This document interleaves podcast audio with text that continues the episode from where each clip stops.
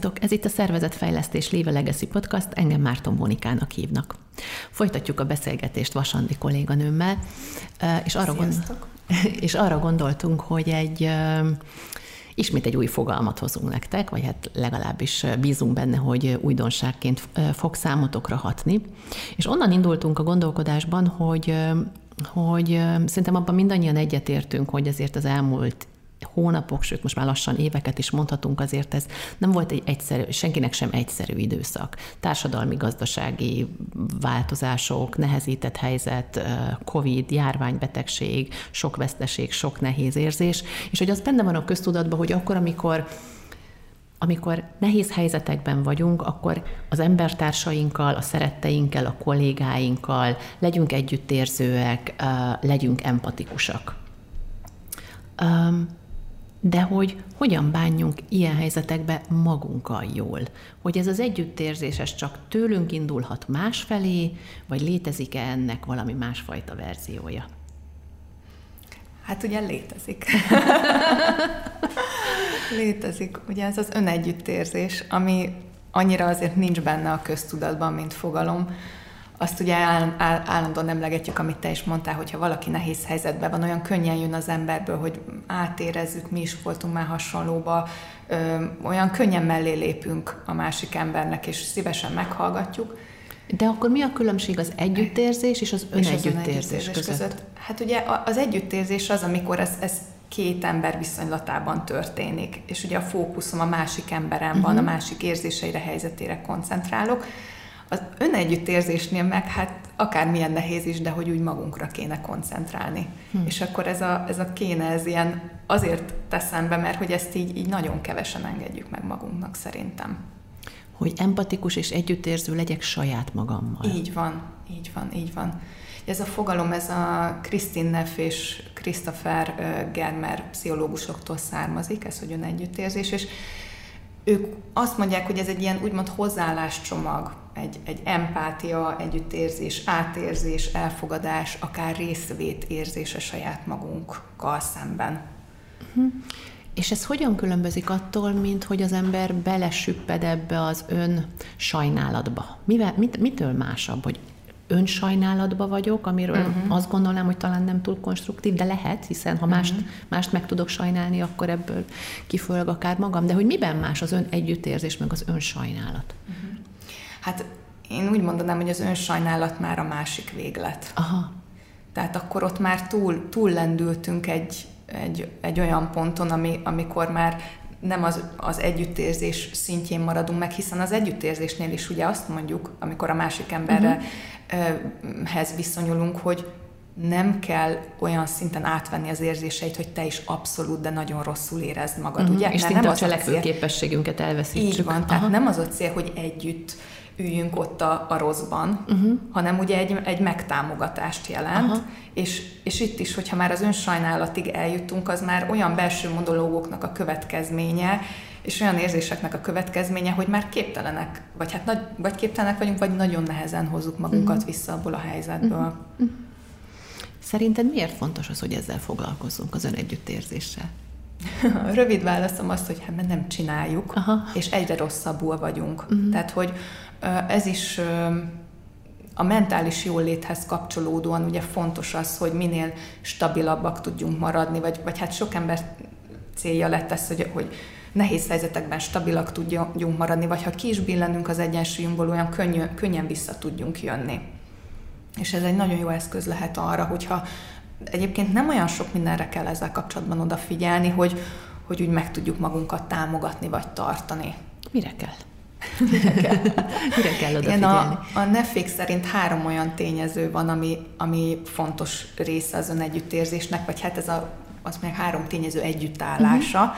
Az egyik maga a mindfulness, uh-huh. ugye ez a tudatos jelenlétet takarja, amikor, amikor az itt és mostba vagyunk, tudjuk, hogy mik történnek, tisztába vagyunk akár a gondolatainkkal, érzéseinkkel, ugye ez egy ilyen ideális, ilyen kicsit hátra lépünk állapot, és tudatosítani tudjuk, hogy éppen mi van bennünk. A másik tényező ez a önmagunkkal szemben tanúsított kedvesség. Hmm. Na és szerintem azért itt el szoktak csúszni a dolgok, mert itt is ugye nem akarok sarkítani, de akkor is van az a fajta ember, aki tud uh-huh. kedves lenni, és van az a fajta ember, aki hát, amikor azt mondom, hogy tudsz valami, tudsz valami kedveset mondani magadról, vagy magadra, vagy valami pozitív tulajdonságot, és ugye ott elakadunk, uh-huh. hogy sokszor könnyebb önostorozásba így menni, van. mint hogy önkedvességbe menni. Így van, uh-huh. így van. Tehát egy kicsit ilyen, ilyen megengedő hozzáállás, ö, ilyen nem baj attitűd, Aha. hogy, hogy ez, a, ez a kicsit ilyen önbiztatás, uh-huh. önmegtámogatás, és szerintem ez itt a sar, sarokpontja, ez a kettes pont, uh-huh. hogy ezt nem olyan könnyű, mert hogy a háromas az pedig arról szól, hogy az ilyen egyetemes emberi lét alapvetéseinek az elfogadása. Tehát az, hogy, hogy nem vagyok egyedül a problémámmal, rengeteg másik ember él rajtam kívül a Földön, akik hasonló problémával küzdenek, és ráadásul esendőek is vagyunk mindannyian, tehát nem lehetünk tökéletesek. Öm, hát mindenki ítélje meg maga, hogy melyik, melyiket a könnyebb a maximalizmust elengedni magunkkal szembe, vagy mondjuk kedvesnek lenni. Én a kettes pontot érzem a nehezebbnek. Azt érzed nehezebbnek. Mm-hmm. Nekem meg az jutott eszembe, hogy ezeket mesélted, hogy e köré a téma köré, csak most, hogy hír, csak az a néhány, ami most beugrott, hogy mm. mennyi önkorlátozó hiedelem kapcsolódik.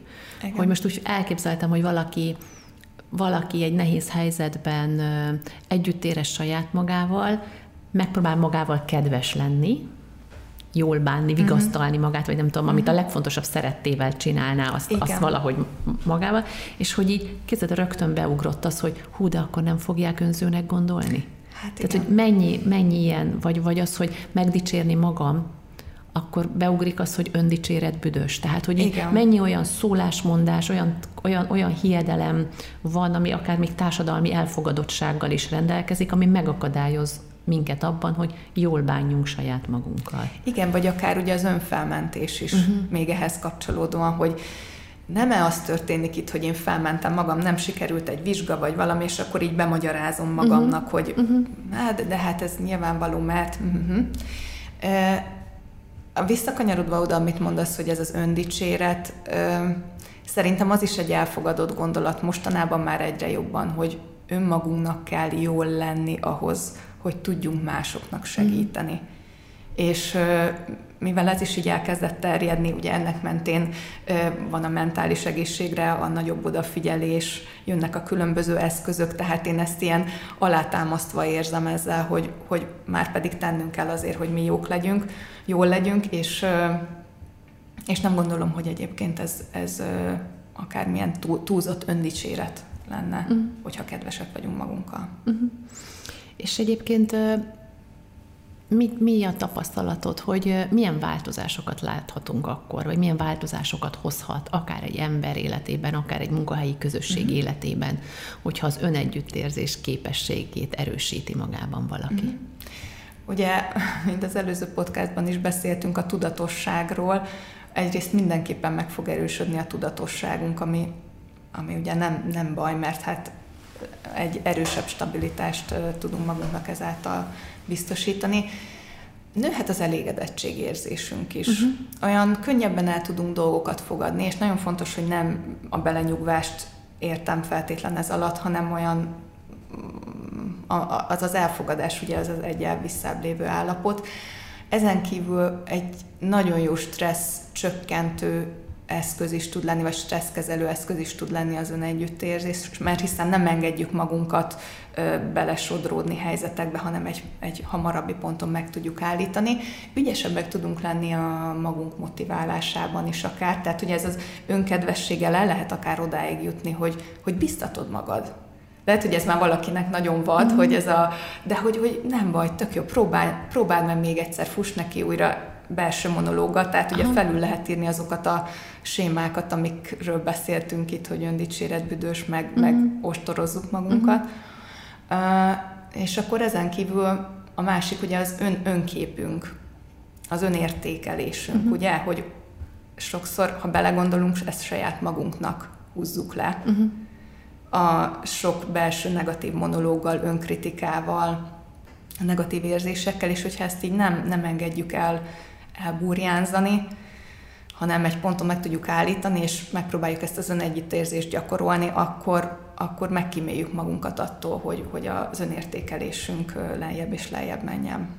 Az jutott eszembe, hogy hallgattalak, hogy így hogy ezt hogyan, hogyan, hogyan tudnám mondjuk én magam csinálni, és hogy így mm. eszembe jutott, hogy mondjuk gondolok egy olyan emberre, akit én egyébként uh-huh. nagyra tartok. Igen. Nagyon sok mindenkit talán kívül, aki, aki nem én vagyok, az könnyebb nagyra tartani, mint saját magam, de tényleg van valaki, akit nagyra tartok, és most ö, nincsen jól, uh-huh. mert kudarc érte, valami nem sikerült, vagy hogy azt végig gondolni, hogy én mit csinálnék vele. Igen akit egyébként elismerek, nagyra tartok, ha családtak szeretek, és szeretném őt bátorítani, biztatni hogy kifejezném az empátiámat, mondanám neki, hogy figyú, van ilyen, semmi gond, próbáld meg, ez itt nem a világ vége, uh-huh. lehet, hogy ez most nem sikerül, de tök sokat tanultál belőle, tehát hogy mennyire könnyen jönnek ezek a kifejezések mások irányába, és hogy amit csinálnunk kell, és itt most a csakot nagyon-nagyon sok idézőjelbe téve, tulajdonképpen ugyanezt kellene magunkkal csinálni, de hogy mennyivel, mennyivel nehezebb ez.